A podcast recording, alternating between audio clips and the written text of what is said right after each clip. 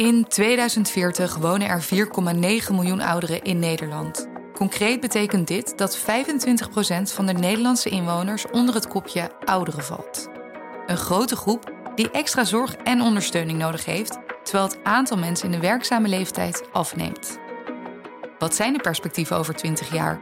In Onderweg naar Zorgen zoeken Paul en Arnoud uit wat de grootste problemen, uitdagingen en belangrijke ontwikkelingen zijn om uiteindelijk advies te geven en zo zorgelozer de toekomst tegemoet te gaan.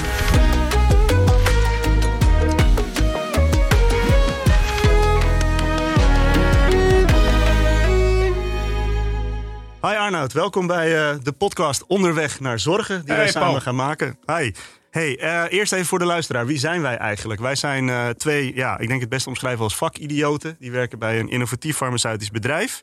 En samen willen wij eigenlijk op onderzoek gaan naar de toekomst van de zorg. En meer specifiek eigenlijk de ouderenzorg in 2040. Omdat we net al hoorden dat er dan eigenlijk 4,9 miljoen ouderen in Nederland leven. Ja, die allemaal graag van de zorg gebruik willen maken.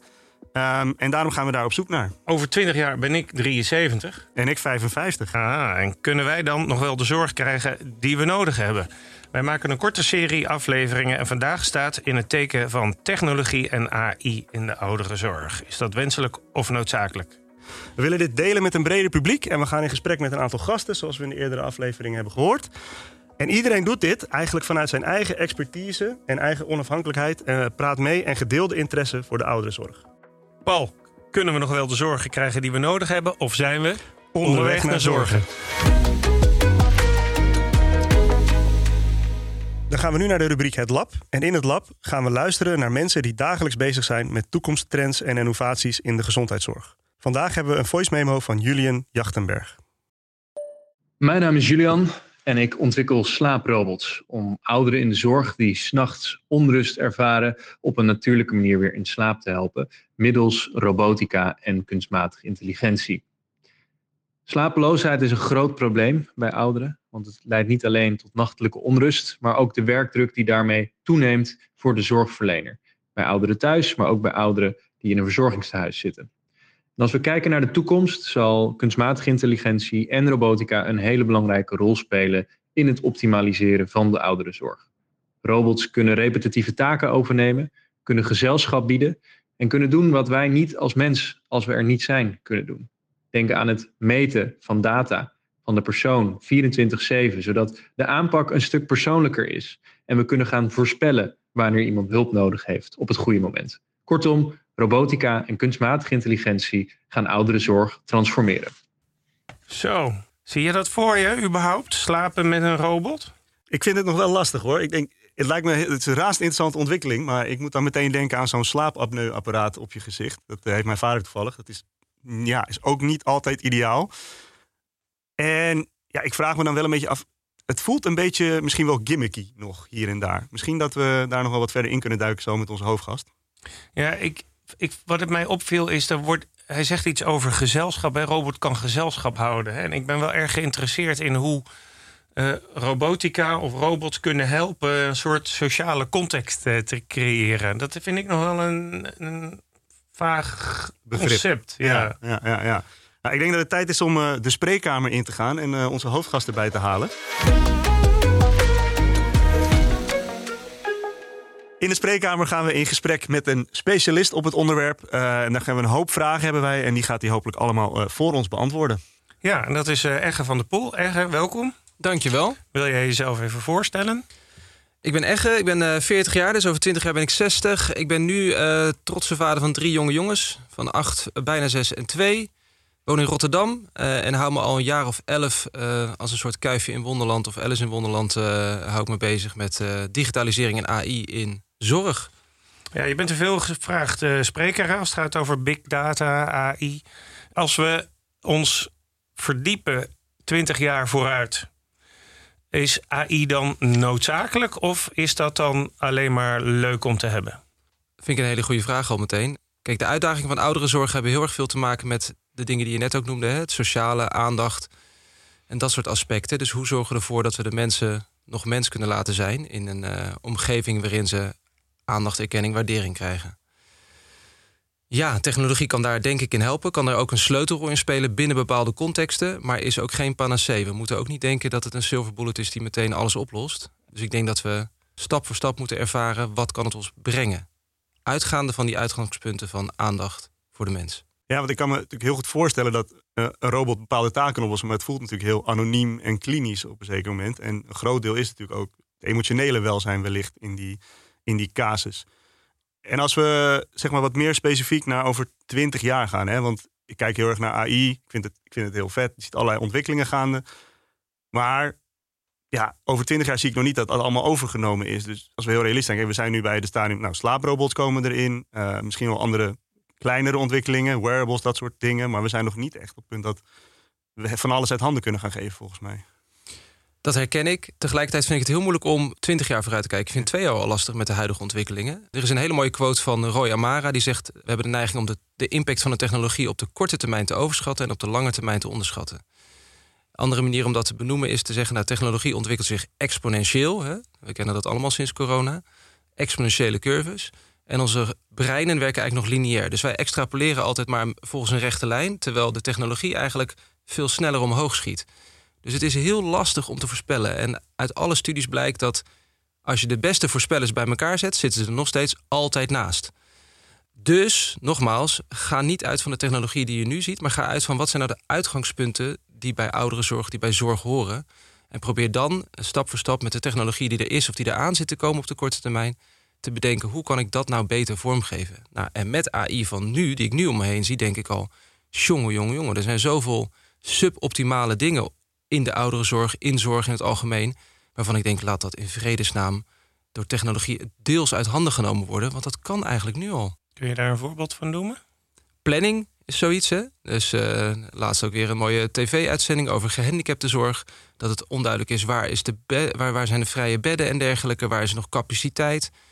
Jongen, jongen, jongen zeg. Dat we dat nog allemaal handmatig bijhouden... en dan lijstjes met elkaar uh, vergelijken... allemaal in Excel overtypen en dan maar naar elkaar e-mailen.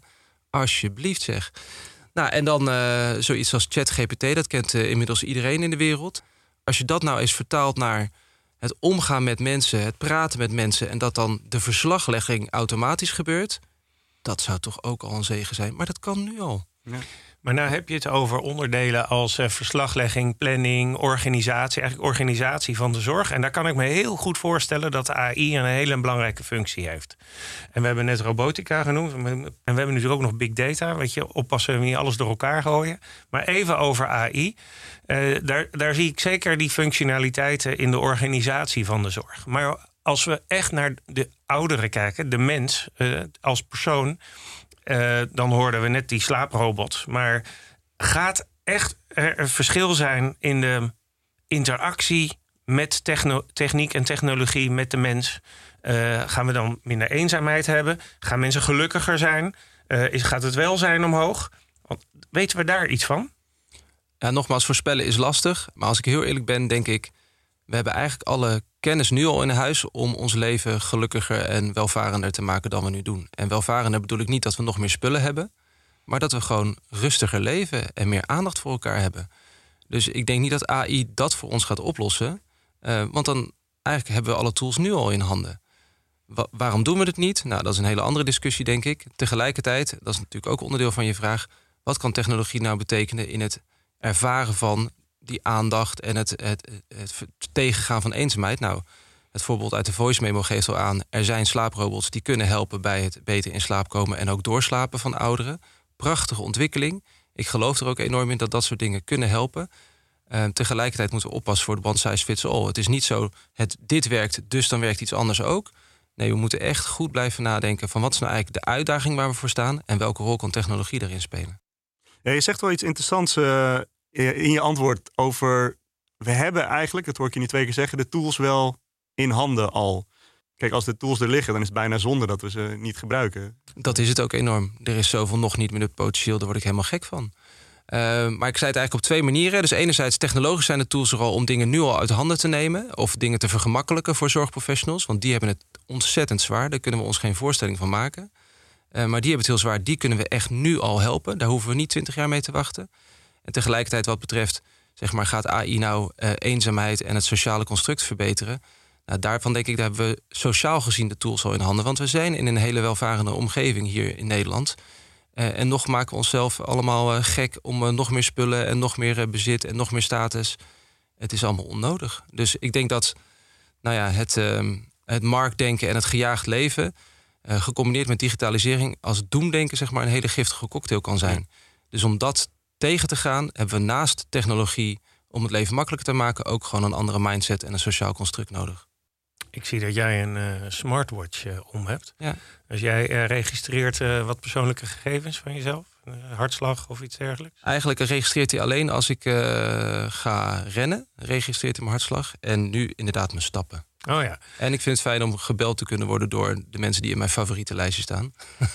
maar dat is een mooi voorbeeld van een soort, uh, ja, even naar sensortechnologie, big data. We gaan natuurlijk van alles verzamelen van onszelf op een gegeven moment. Hè, en die data ook uh, delen. Dus we creëren eigenlijk een grotere dataset over, over onszelf. Wat ik me nou afvraag, als we dat doorvertalen naar 20 jaar, je zegt wel dat dat lastig is, maar ik probeer toch door te filosoferen van wat er nou wel zou kunnen. Hebben we straks heel veel data over de gezondheid van de Nederlandse populatie eigenlijk? En heb ik daar wat aan over 20 jaar als ik 73 ben, dat de artsen slimmer zijn omdat ze meer weten over eh, de gezondheid van mensen? Of als ik in het ziekenhuis kom, kan ik eh, vergeleken worden met patiënten die op mij lijken en kan mij een beter advies gegeven worden? Hoe moet ik dat zien? Ja en ja, en, en nog veel meer. Uh, dus ja, we kunnen veel meer leren van eigenlijk iedere vorige patiënt-cliënt hoe het voor de volgende beter kan. Want die data is aan, aan elkaar geknoopt. Hè? Nogmaals, we spreken even in uh, hoopvolle toekomstbeelden. Dus die data is beschikbaar, informatie is beschikbaar, kennis wordt snel gedeeld. Nou, dan leer je eigenlijk uh, hier in Amsterdam van een patiënt in Connecticut, weet je wel. En dat gaat gewoon wereldwijd 24-7 door. Fantastisch. Is dat, is dat datadelen? Dat vind ik een hele interessante die je hier noemt. Hè? Want wij komen natuurlijk een beetje uit de zorgsector. En we horen juist heel vaak dat het delen van data en de infrastructuur daarvoor juist nog het in de weg staat om dit soort dingen te doen. Maar ik hoor je eigenlijk precies het tegenovergestelde zeggen. Ja, dus we spreken hoopvol. hoopvol. We spreken hoopvol. Uh, we kijken hoopvol vooruit. Uh, dus de realiteit is nu nog dat we echt met onze voeten in de, in de modder staan. Ja. Nou ja, dat, dat, dat is zo. Het is nu uh, beter dan vijf jaar geleden en veel beter dan tien jaar geleden. En over vijf, tien, twintig jaar zal het weer beter zijn. Uh, maar het is nog niet goed genoeg. Nee, dit, dit, daar, daar word ik ook, ook af en toe nou, niet heel erg blij van. Maar ja, we moeten toch de volgende stap met elkaar proberen te zetten. Om op weg te gaan naar die toekomst. Waarin je dus inderdaad informatie en kennis uh, at je fingertips hebt. Maar dus ook dat je eigenlijk, uh, als jij een gezondheidsvraag hebt. Hè, want laten we hem even omkeren. je hebt eigenlijk gezondheidszorg, hè, positieve gezondheid, daarvan uitgaande. Ja, dan, dan heb je eigenlijk informatie voor jou beschikbaar op een manier die bij jou past. Want trek de lijn van ChatGPT toch maar eens even door dan als we naar de toekomst gaan kijken. Ja, dan kun je dus voorstellen dat je praat met iets. Hè, of dat nou op een mens gelijkend is, of een robot voor je snuffert, of een avatar of een hologram, verzin het maar. Je praat met iets en die, dat iets weet hoe jij communicatie het fijnste verwerkt. Dus die gaat het op een taal die bij je past aanbieden. Die gaat kleuren of geluiden of grafieken of getallen allemaal aanbieden zodat het bij jou het beste binnenkomt. Nou, dat is een soort van persoonlijke gezondheidscoach. Ja, en die gaat je helpen bij alles in het leven. Of het nou het doen van boodschappen is, het, het, het bellen van je uh, geliefde, je naaste, je, je buurvrouw, je buurman. Bij alles in het leven kun je op een gepersonaliseerde manier gevonden worden, benaderd worden en dus geholpen worden om de stappen te zetten in het leven die voor jou zorgen dat jij nog op een positieve manier aan het leven deel kunt nemen. Maar kunnen alle ouderen op dit moment wel mee, met die technologie? Kijk, heel veel ouderen van nu zijn niet uh, digital savvy genoeg om de dingen die nu beschikbaar zijn te kunnen hanteren. Maar de eerlijkheid gebied te zeggen dat het niet alleen maar ouderen zijn. Er is een groot deel van Nederland wat eigenlijk qua geletterdheid al achterloopt. Of onvoldoende uh, capaciteit heeft om ja, brieven van de overheid te lezen. Laat staan dat ze makkelijk hun bankzaken regelen of uh, nou ja, hun medicijnen even via de PGO-portal kunnen aanpassen. Of nou, verzin het allemaal maar. Um, nou, dus dat is een grote zorg. Tegelijkertijd denk ik, als we gaan denken op, op een manier zoals ik daarvoor even schetste, je hebt een, een AI-tool, iets wat op een persoonlijke, gepersonaliseerde manier met jou contact heeft, dan kan je eigenlijk ook wel de lage lettertijd daarmee ondervangen. Want dat is, het dan is helpen. iets waar je mee praat. En iets wat, wat op een manier vragen aan je stelt, die op een manier vragen aan je stelt, wat past bij jouw conceptuele vermogens, bij jouw manieren van uh, informatie verwerken. Dus ik denk dat dat, als we dat goed kunnen personaliseren, enorm gaat helpen om juist de niet-digital savvy mensen juist op een menselijke, tussen is menselijke manier met digitalisering in contact te laten komen. Ik denk dat dat een heel goed punt is, want het is eigenlijk ook een tool die je daarbij gaat helpen. Maar er zit natuurlijk ook misschien nog wel een soort in deze groep een soort sceptische benadering van techniek, uh, dingen uit handen geven. Ja, de computer 6 no noemden we net al even. Daar zit dus nog wel een, zeker een, een grote adaptatie in voordat we daar ook zijn dat mensen het, het vertrouwen erin gaan hebben, denk ik. Ja, en daarom is stap voor stap zo belangrijk. En wat ik altijd benadruk is dat we niet alleen maar datagedreven terminologie erin moeten hebben. Dus we gaan datagedreven werken, we gaan datagedreven dit doen. Want er is eigenlijk niemand die datagedreven wil leven. want dan is het inderdaad computer says no en uh, die, ja, die bepaalt eigenlijk links of rechts. Daarnaast, naast dat datagedreven, zet ik dan data gedragen. Dat betekent dat we onze besluiten laten ondersteunen door informatie, door data. Ja, dat wil iedereen. Iedereen wil de beste informatie uh, tot zijn beschikking hebben op het moment dat er een besluit genomen moet worden. Dus als we dat verhaal nou groter maken dan het data gedreven en nou ja, alle angsten die daarbij komen kijken, dan kunnen we op die manier stap voor stap leren wat er nou past bij de mensen. En dan hebben we veel gehad over uh, hoe uh, de techniek je kan helpen gewoon in je dagelijks functioneren. Maar er is ook nog een groep die straks ziek is. En ik kan me ook helemaal iets bij voorstellen dat AI in het ziekenhuis helpt bij het analyseren van scans en gegevens en laboratoriumuitslagen. Maar hoe verandert dat uiteindelijk de relatie tussen de, eh, jou noemde het cliënten, maar als het nou patiënten zijn en ze, zijn, ze moeten naar het ziekenhuis, hoe verandert AI en big data dan in de toekomst die relatie tussen dokter en patiënt? Ik hoop ten goede. Uh, want ik hoop dus dat uh, door AI en technologie zoals AI er meer aandacht komt voor de mens tegenover je. Dat je gewoon kunt praten met mensen, dat je aandacht kunt hebben voor ook de randzaken van de mens. En dat de AI-technologie je helpt om de relevante informatie uit andere systemen op dat moment beschikbaar te krijgen. Dus dat je niet meer allerlei faxjes af moet of CD-rommetjes moet uh, over laten vliegen of verzin het allemaal maar. Maar dat je echt toegang hebt tot die relevante informatie om op dat moment het sneller over de juiste dingen te hebben met de patiënt tegenover je. Dus de dokter die gaat eigenlijk geholpen worden met betere, snellere diagnostiek. En dan blijft er tijd over voor een sociaal gesprek. Ja, en niet alleen maar dus diagnostiek, maar ook in de behandeling en bij uh, uiteindelijk de monitoring of wel of niet ontslag. Ja, je gaat ondersteund worden. Triage gaat slimmer worden. Uh, nou ja, alle keuzes, alle keuzemomenten in een heel uh, proces van de patiëntreis, maar even zeggen, die gaan ondersteund worden door AI. Dat is een heel hoopvol vooruitzicht. Dus eigenlijk, die arts die gaat een heel ander beroep krijgen, maar dat gaat niet weg. Die gaat meer ja, daar, wat zei je mooi net, data gedragen beslissingen nemen. Dus. Ja, data gedragen. En dan uh, komt er ook het mooie uh, door Bas Bloem ooit uh, gepropageerde begrip bij van gold to guide. Hè? Dus je gaat mensen in de informatiestroom die er is, ga je mensen gidsen wat voor hen een goede volgende stap is. Ik heb nog wel een vraag aan jou over de um, gegevens die we hebben van ouderen. Want we doen bijvoorbeeld veel klinische studies, bijvoorbeeld voor geneesmiddelen of voor nieuwe technieken. Maar daar, daar hebben we eigenlijk een hele selecte populatie. Maar wat, wat weten we eigenlijk vandaag de dag over het dagelijks leven van ouderen? Op dit moment zitten we nog met een informatiegat. Uh, want de ouderen lopen op dit moment niet met wearables en, uh, en verzamelen we geen allerlei gestructureerde uh, data uit het dagelijks leven van. Hè? Nee, we weten eigenlijk heel weinig. Dus we varen in de mist, zoals sommige mensen dat dan noemen. Maar de eerlijkheid gebiedt ook wel te zeggen dat de mist niet per se zal optrekken als je meer technologie er tegenaan gooit. Dus je zult moeten accepteren dat je sommige dingen niet per se weet. Uh, maar dat hoeft niet te voorkomen dat je een volgende stap kunt zetten. En nogmaals terugkomend op, de, op een eerder punt. We weten eigenlijk al vrij goed wat er wel of niet werkt in bepaalde contexten. Toch passen we die kennis niet altijd toe. Dat zal met de toepassing van AI eh, alleen maar meer worden. Dus de kennis zal groter worden. Maar uiteindelijk het, het dan in de praktijk inzetten van die kennis, dat is een andere uitdaging. Dus ik denk niet per se dat we alle ouderen met wearables hoeven uit te rusten. We weten eigenlijk vrij goed wat al kan helpen om zelfstandiger te leven, positieve gezondheid te betrachten. Ga zo maar door. En toch zetten we dat soort dingen, dat soort, dat soort instrumenten niet per se in.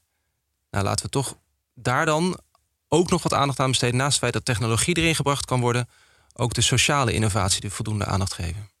Ja, dus het zit heel erg op het, op het implementeren van deze, van eigenlijk alles wat we al weten. Hè? Dus ik zit dan nog steeds, en we hebben het er net heel veel over gehad, op, op het stukje waarom dat dan nog niet lukt. Of waarom we nog niet zo ver zijn. Hè? Want ik denk dat er zit ook een groot deel in onze data-infrastructuur en privacy-achtige argumenten. Maar als we het zo schetsen, dan, ja, dan is het eigenlijk bijna no-brainer dat we dit zouden moeten doen morgen, het liefst.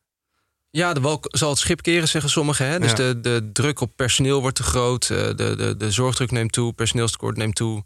Dus uiteindelijk zullen we wel moeten.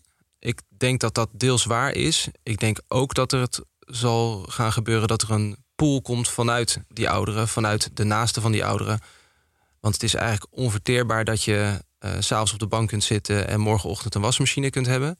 Maar dat je tegelijkertijd eh, 24 telefoontjes moet eh, plegen om te weten of er ergens misschien een plek is voor opname van je geliefde. Ja, en ik denk heel terecht, want als je, er is natuurlijk veel in het nieuws nu dat eh, de ouderenzorg onder druk staat. En dat het, het werd een stille crisis genoemd. Dat eh, er te weinig personeel is, alles wat je noemt. Dus ik vind het mooi hoe je het zegt, het wal zal het schip gaan keren. Dat, eh, dat deze mooie ontwikkelingen toch dan ja, tot vol, volwassendom komen op die manier. Laten we het hopen. Ik, ik denk ook dat we na moeten denken over de financiering van de zorg. Ik wil niet te, te holistisch gaan eh, benaderen, maar als eh, er in de financiering van de zorg geen ruimte is om dit soort initiatieven te starten. eh, Je ziet vaak dat het van innovatiepotjes gedaan wordt vandaag de dag. Maar het moet wel een structureel onderdeel worden van eh, de toekomstige zorg. En als we dat niet goed regelen, ja, dan heb ik ook wel mijn twijfels of het gaat gebeuren. Hoe zie jij dat? Ja, financiering is een belangrijke prikkel. Eh, we weten ook bijvoorbeeld rondom preventie eh, dat bepaalde dingen alleen maar gaan werken als je ervoor betaald krijgt. We krijgen nu betaald om iets te doen en niet om iets niet te doen. Terwijl het niet doen vaak eh, toch beter is. Dus financiering is een hele belangrijke prikkel. Dus ook rondom innovatie geldt dat thema. Ehm, en ik denk dat je als je het van potjes laat afhangen, dan vind je eigenlijk leren niet belangrijk genoeg. Ehm, dus als je AI echt wil gaan inzetten, dan moet je ervoor zorgen dat je je leervermogen vergroot en versnelt. En dat kan niet met potjes, dat moet structureel. Ja, ik, ik vind dit een heel belangrijk punt. Hè. Ik hou me in het dagelijks leven ook heel erg bezig met toegang eh, in, in de zorg. En je ziet, je zegt het al een beetje, alles is op, op een jaarbudget, is een prijsvolume bij wijze van spreken. Hè. Je moet een ingreep doen en daar krijg je voor een vergoeding.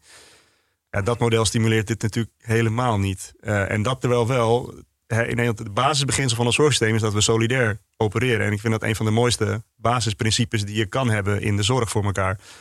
Maar dat wordt in de weg gestaan inderdaad door, ja, als we geen geld hebben of geen leergeld, misschien zo moeten noemen, ja, dan lopen we toch tegen een probleem aan om deze hoopvolle innovaties uit te voeren. Ik denk eh, na dit, eh, dit mooie betoog, eh, denk ik ook wel eens goed om misschien even een beetje de, de andere kant van de munt te proberen te belichten. Van, er zijn natuurlijk best wel wat privacy issues die daarbij opkomen. Oh, het P-woord. we hebben privacy aan de ene kant, maar ook misschien ook wel een beetje de angst hè, van. Oké, er zit ik- alles van me is bekend, alles zit in een systeem. Big Brother is watching me. Of toch maar even de, de andere kant misschien ook een beetje bij de horens te vatten. Ja, het is een heel, heel terecht punt. Kijk, privacy is een grote zorg en terecht ook, hè, want we willen allemaal dat onze persoonsgegevens dat daar goed voor gezorgd wordt. Tegelijkertijd willen we ook dat we de uitdagingen die we in gezondheidszorg tegemoet gaan het hoofd kunnen bieden. Dus daar past solidariteit, werd al genoemd, is een van de pijlers van ons gezondheidszorgstelsel. Dus naast privacy moeten we het gaan, ook gaan hebben over datasolidariteit. We kunnen de uitdagingen niet het hoofd bieden zonder enig gebruik van technologie, zoals AI. En dat heeft data nodig. Dus als wij altijd toegang willen tot de beste informatie om onze zorg te vergemakkelijken, dan betekent dat automatisch, als inderdaad andere kant van de medaille, dat we dan ook wederkerigheid moeten tonen in het delen van data en solidair zijn met het delen van data. Daar zijn nog niet de juiste mechanismes voor, komen ook weer op prikkels en dergelijke. Dus eh, eh, nou ja, we zijn zoekende in Nederland, maar in de wereld. En ik denk dat Europa daar mooie stappen in zet. Europa neemt het voortouw wat betreft wetgeving en verordeningen die vanuit solidariteit en gedeelde waarden vanuit Europa eh, nou ja, de, de, de manier van werken met AI willen neerzetten. Nou, en dan is het een beetje heel plat geslagen. China bepaalt de staat, Amerika bepaalt de markt. En hier vinden we de goede middenweg. Ja, laten we hopen dat we daar... dus. Ja, nou, nou, niet per se polderen. Nee, nee, ik ben, ik ben geen fan van polderen per se. Eh, ik ge- geloof in de kaders bieden en richting bieden vanuit gedeelde waarden. Ehm, ehm, maar dat betekent dat we wel snelheid moeten maken, want de technologie dendert wel door. Dus we kunnen hier niet veel langer mee wachten. Dat betekent ook voor alle luisteraars: ga niet achteroverleunen. Dit is iets wat nu gebeurt. Dit is iets waar jij nu een mening over dient te vormen, want dit gebeurt nu. Jij bent eh, medewerker, maar je bent ook burger, je bent ook mantelzorger, je hebt straks zorg nodig, je hebt nu zorg nodig. Vorm een mening en vorm ook eh, een community van mensen om hier de juiste richting aan te geven, want dat is wat we nodig hebben. Ja, mooi gezegd. Die verbinding eh, uiteindelijk is, is heel belangrijk. We gaan over naar de volgende rubriek, het recept. met één concrete tip. Egge, na dit gesprek, wat zou jouw voor, concrete tip zijn voor de luisteraar? Het recept, ja, wat mag ik voorschrijven aan de luisteraars? Nou, dan zou ik toch zeggen, probeer jezelf wat meer te verdiepen in de technologie zoals AI, maar in dit geval dus heel specifiek AI. Kijk eens op uh, ai-cursus.nl. Dat is een uh, mooie cursus voor eigenlijk voor alle Nederlanders. Um, om eens uh, nou ja, kennis te nemen van AI met leuke voorbeelden, wat nou ja, onderwijsvormen erin. Ook tips voor hoe je het in je schoolklas bijvoorbeeld kunt inzetten. Kijk daarnaar en doe er je voordeel mee. En kun je van daaruit weer lekker verdiepen. Ja, heel mooi, dankjewel. En dan wil ik graag afsluiten met een laatste vraag van jou aan ons, Egge. Leuk om die gelegenheid te krijgen. Um, mijn vraag ligt in de lijn van een quote van William Gibson. Uh, die luidt: De toekomst is er eigenlijk al, hij is alleen niet eerlijk verdeeld. Dus mijn vraag zou zijn: welke inspirerende voorbeelden, welke toekomst zien jullie eigenlijk al om je heen? Ik, uh, ik moet eigenlijk meteen denken aan uh, hoe met name, ik denk de reclamebusiness tegenwoordig op je surfgedrag afgestemd is. Hè? Dus als jij iets googelt, dan krijg je meteen netjes reclames erbij die bij jou passen. Dat is helemaal op jou afgestemd. Uh, ander voorbeeld is bij bol.com heeft iedereen een individuele soort van homepage met producten die interessant zijn voor jou. Daar, daar zit al zoveel techniek achter. Dus het is er bijna gek dat we dat in de zorg nog niet kunnen. Hè? Je noemde het voorbeeld al, we kunnen eigenlijk niet eens zien waar het een leeg bed is op dat moment. Dus dat vind ik een, uh, ja, een ongelijke verdeling. En misschien een beetje een gek voorbeeld, maar eh, ik heb mezelf misschien niet de meest uh, perfecte social media gebruiker. Maar ik kan me wel voorstellen als we in de toekomst een soort social media voor ouderen hebben. Dat daar een, een, een verbindend element in gaat zitten. Dus hè, hoe, hoe kun je eigenlijk die techniek inzetten voor de oudere generatie. Wij gaan nog eventjes uh, naar de toekomst kijken samen, Arnoud, voordat we afronden. Maar hartelijk dank, uh, Egge. Graag gedaan, heel leuk. De toekomst. Wij kijken vooruit naar uh, 2040. Paul. Ja, we zijn eigenlijk begonnen met de slaaprobot. En de trigger die Egge mij gaf is, we hebben in implementatie, we hebben al heel veel tools liggen. We hebben al de techniek, we hebben al heel veel dingen, slaaprobot implementatie. We moeten het eigenlijk nu gewoon gaan doen. Dat is wel een hele interessante learning, vind ik. Ik dacht eigenlijk techniek is maar techniek. Maar ik heb wel geleerd dat er meer mogelijk is, ook op sociaal gebied. En ik kan me wel iets bij voorstellen dat techniek ook bij uh, welzijn, sociale cohesie kan, kan helpen. Het is misschien niet... Uh, het ei van Columbus, maar kan er wel bij helpen. Dus dat is denk ik de juiste conclusie. Hè? Want we zien, we verwachten eigenlijk van tech, dit, dit, lost alles op, we hoeven verder niks. Maar het zit veel meer op, op het menselijke en meer data gedragen gaan leven. En we hebben, ja, we hebben die tools dus al in handen. Dus dat is eigenlijk al ja, een hele bijzondere openbaring voor mij geweest, deze aflevering. Ja, en wat, wat mij opviel was dat ja, altijd over die datasolidariteit. Uh, wel interessant. Wij houden allebei, denk ik, van het concept solidariteit. Zeker. Uh, maar delen van data betekent ook elkaar helpen eigenlijk om, uh, om misschien met meer data ook weer betere beslissingen te kunnen nemen. Dus dat vond ik wel mooi. Uh, en tot slot financiering viel mij op. Hè? Dat uh, we dit soort dingen eigenlijk alleen maar oplossen als we dit ook uh, goed structureel. Ja, structureel financieren, absoluut. En het uh, smaakt eigenlijk naar meer wat mij betreft. Ja, ik vond echt ongelooflijk veel geleerd. En uh, ik heb zin in de volgende. Ik ook, dankjewel. En voor meer informatie, neem een kijkje op onze LinkedIn-pagina of stemvandepatiënt.nl.